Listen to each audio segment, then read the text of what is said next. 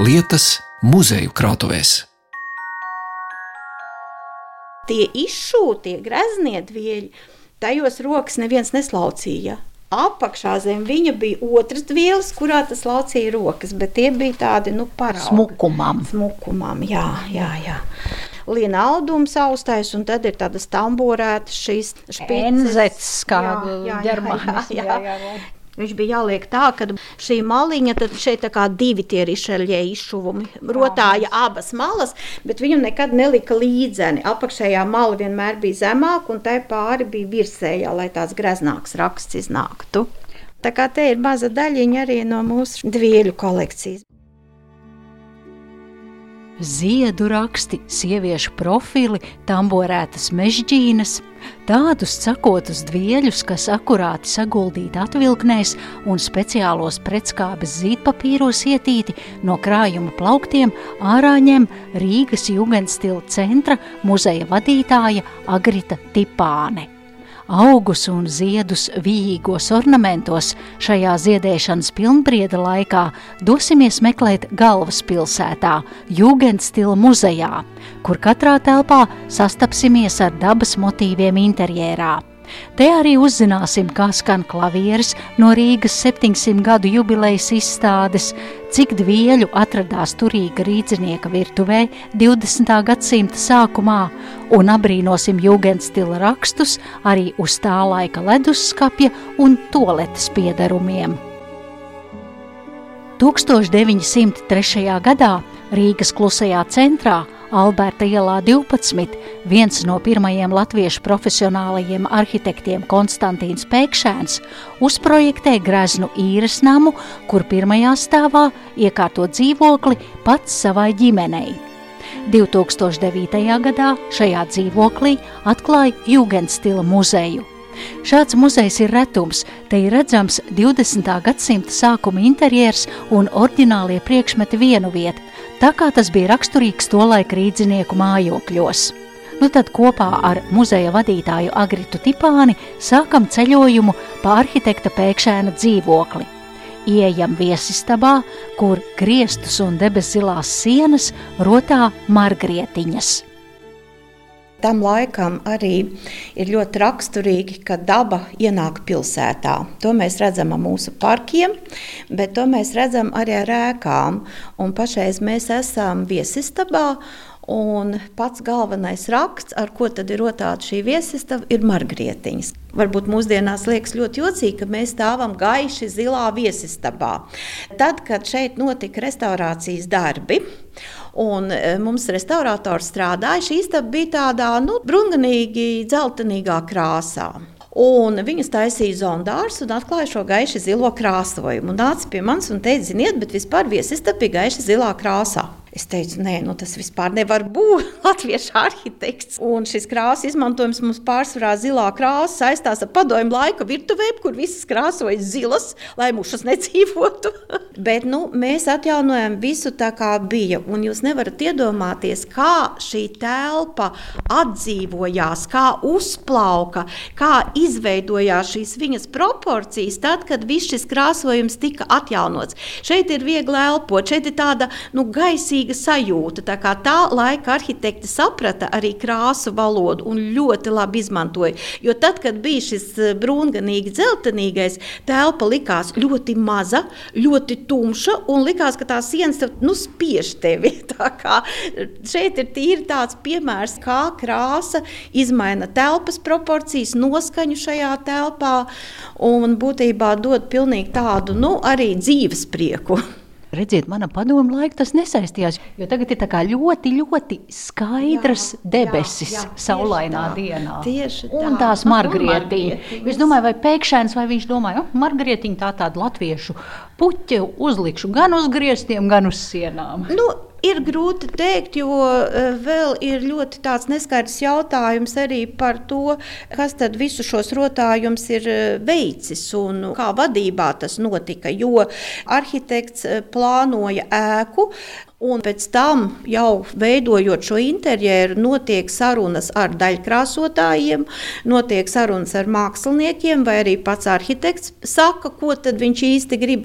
Bet mūsu mājai ir vēl tāds laimīgs liktenis, jāsaka, jo ceļot šo māju Pēkšēna kungs domāja ne tikai, ka tas būs tāds īres nams, bet viņš viņā aicināja dzīvot savus draugus, savus paziņas, un mums ir piektā stāvā Jāņa Rozentāla dzīvoklis. Un tas bija laiks, kad eh, Janim Rozentālam bija diezgan sarežģīti materiāli apstākļi. Un, protams, nav varbūt tādu tiešu apliecinājumu, ka Rozentāls to visu, ir veidojis šo viņa darbnīcu, bet kaut kur tā starp rindām arī Rozentāla vēstulēs var noprast, ka būtībā eh, Pēkšēna kungs ir izbūvējis viņam šo darbnīcu, jo, lai viņš varētu šeit arī dzīvot un strādāt. Nu, un tad ir tas mūsu pieņēmums atkal, ka Rozentāls iespējams ir bijis tas, kas ir nācis viņam palīdzīgā ar šo telpu apdari.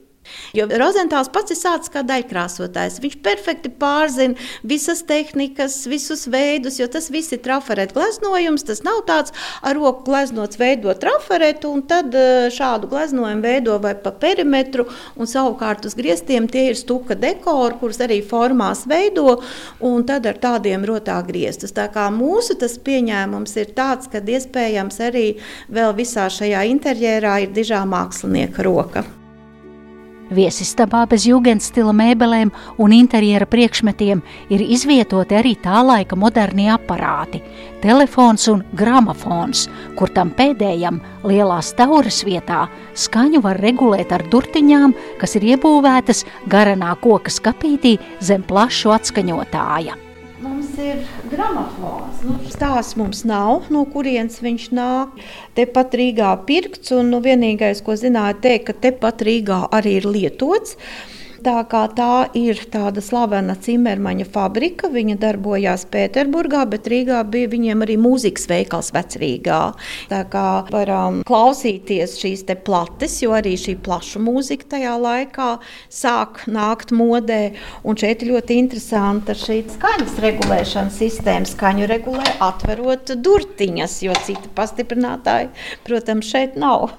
Mēs runājam par eh, tādu, tas ir sarkankoks vai tas nav sarkankoks? Grūti pateikt, bet tas ir no šīm labajām koku šķirnēm. Iespējams, ka tas pat ir sarkankoks. Jā, tad mēs runājam par tādu divu stāvu plauktiņu. Virspusē te ir tā skaņu plaša atskaņošana. Tad, tad atveram virspusē vāku, te ir tā adata atskaņotāji, te ir plate. Jā, jā, jā. Mums kolekcijā ir arī vecās plates. Viņas ir nedaudz tādas tā kā biezākas. Nu, protams, viņas ir arī nolietotas uh, gadsimtu laikā. Un viss grūtākais un sarežģītākais ir adatiņas. Bet mums ir ļoti daudz mūsu draugi un apmeklētāji arī vēl no vecajiem krājumiem dāvinājuši. Tā kā adatiņu krājums ir.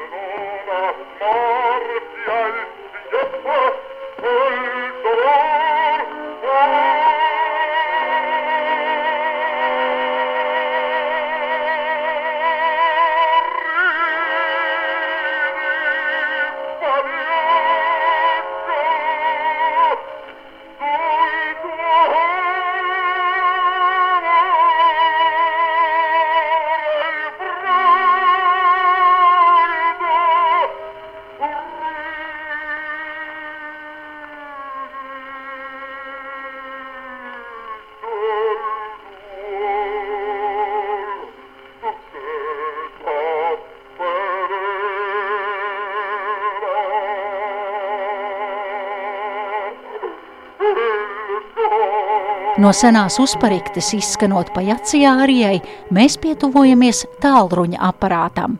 Un skatot uz to, aizdomājos par šīs ierīces evolūciju un saudabīgu laika loku. Gluda melna kastīte ar uzgriežamu kloķi sānos un klausuli uz balsta dakšas, bet ne griežamu ripu ar cipariem, ne taustiņiem. Tāds pats gluds korpus kā mūsdienu vietālruņiem. Šeit arī mēs skatāmies uz telefona aparātu, ko grezno uzraksts Krievijas valodā Rišskai ķeļefonai Tovarišest, Rīgas telefonu biedrība. biedrība jā.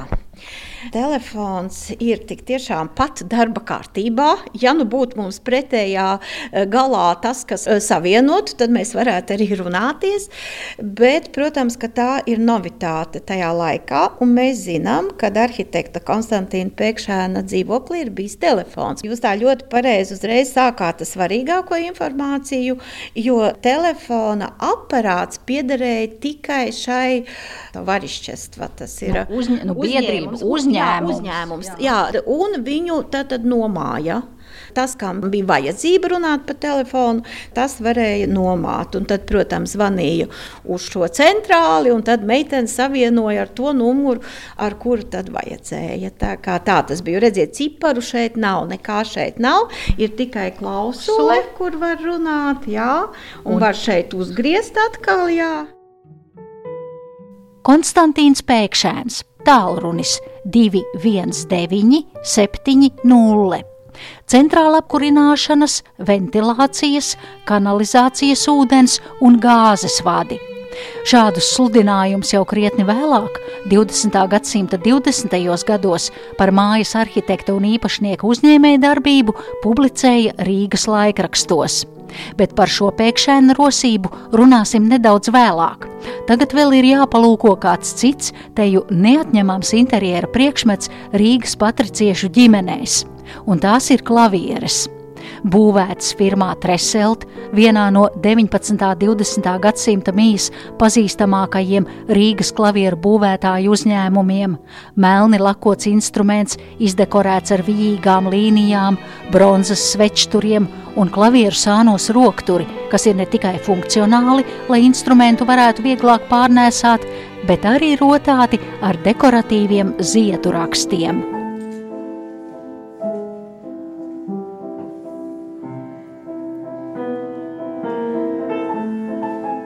Tā laika cilvēku dzīvokļos klavieres parasti bija. Tās ir slavenās treselta klavieres.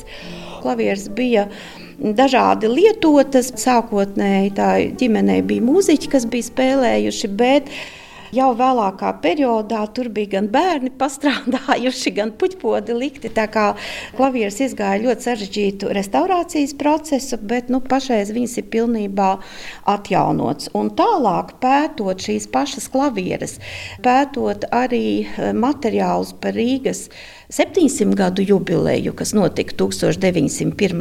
gadā, mēs konstatējām, ka klavieres būtībā ir autora dizainētas, un tas ir arhitekts Maks Šervīnskis. Skaidrojums. Maksis Gustavs Rihards Šervīnskis bija poļu izcelsmes Latvijas arhitekts un pedagogs, Rīgas amatnieku biedrības amatniecības skolas direktors.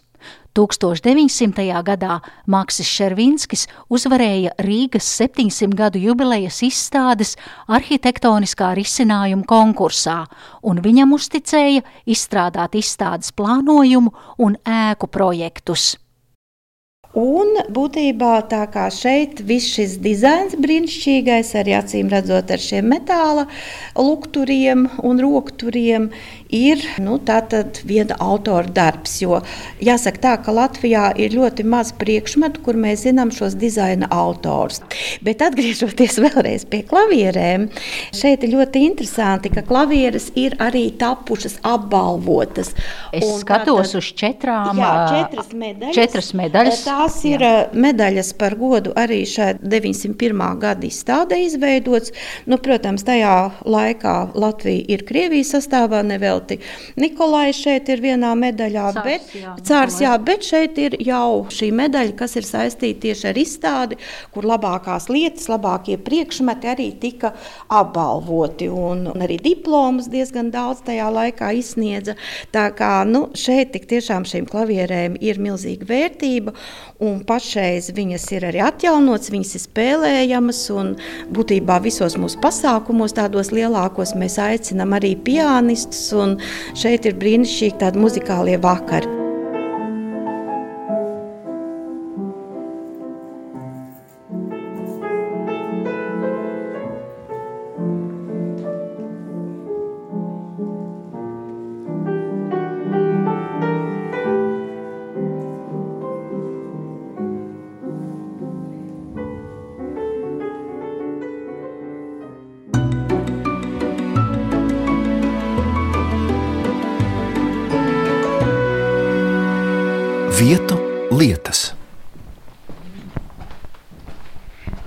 Viesistabas tad mēs ienākam, tas ir kā kabinets, kungu istaba. Kabinets, salons, jā, tā tad vienīgā telpa, kur mums ir kamīns.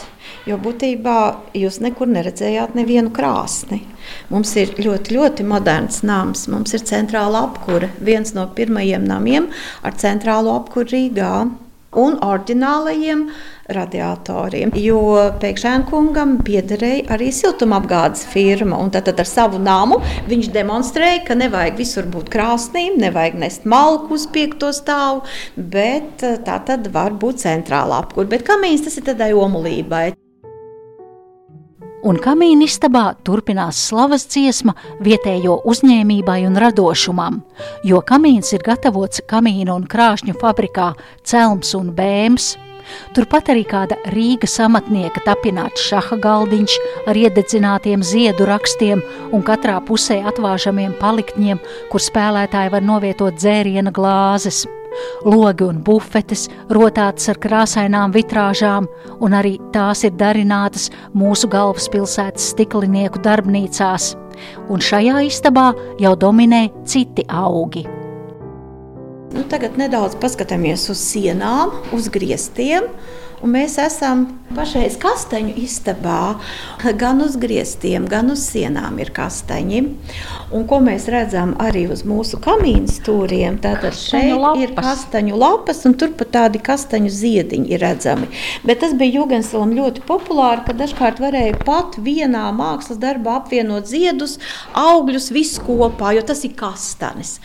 Un kamīns ir milzīgs atradums, un būtībā viņš pat šeit izskatās labāk nekā tas oriģinālais, kas šeit ir bijis.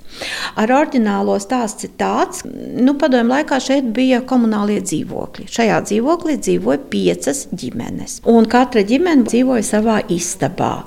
Un eh, tad, kad nama saimniece šeit atbrauca 80. gados pirmo reizi, tad viņa arī nofotografēja šo oriģinālo kamīnu. Viņš bija tāds melns ar tādām zaļām lapām, tā kā tulps, tā kā kaut kas. Bet tad, kad viņa atbrauca otrais 90. gados, kamīns bija vienkārši nozagts. Nu, tālāk bija ļoti sarežģīts uzdevums, ko darīt ar šo kamīnu, jo mums kamīna tajā brīdī nebija. Un saimnieces uzstādījums arī bija tāds, nu, ja jums nav vecā kamīna, uzliekat bildi. Bet tas nesaskanēja mūsu koncepciju, jo mums ir interjera muzejs. Mēs rādām pilnībā tā laika interjeru. Nu, mēs nolēmām iet otru ceļu pēc tādām diezgan vētrainām diskusijām ar saimnieci mājas, kad viņi mums deva pusgadu laika. Ja mēs atrodam oriģinālu kamīnu, kas pieder šai vietai, tad mēs drīkstam viņu šeit uzstādīt. Un rezultātā mums izdevās atrast nu, pat piemērotāku pat šai telpai. Tas arī ir cēlums un bēns. Un atkal pateicoties būtībā mūsu arhitektei Liesmai Markovai, kas šo kamīnu atrada, un viņš bija iemūrēts jau vienā savrupmājā. Viņš tika izmūrēts un pārmūrēts šeit, mums muzejā. Jo ļoti daudz cilvēku arī ir aizrautīgi cilvēki. Viņi saprot muzeja nozīmi un mieru šķirties arī no brīnišķīgām lietām.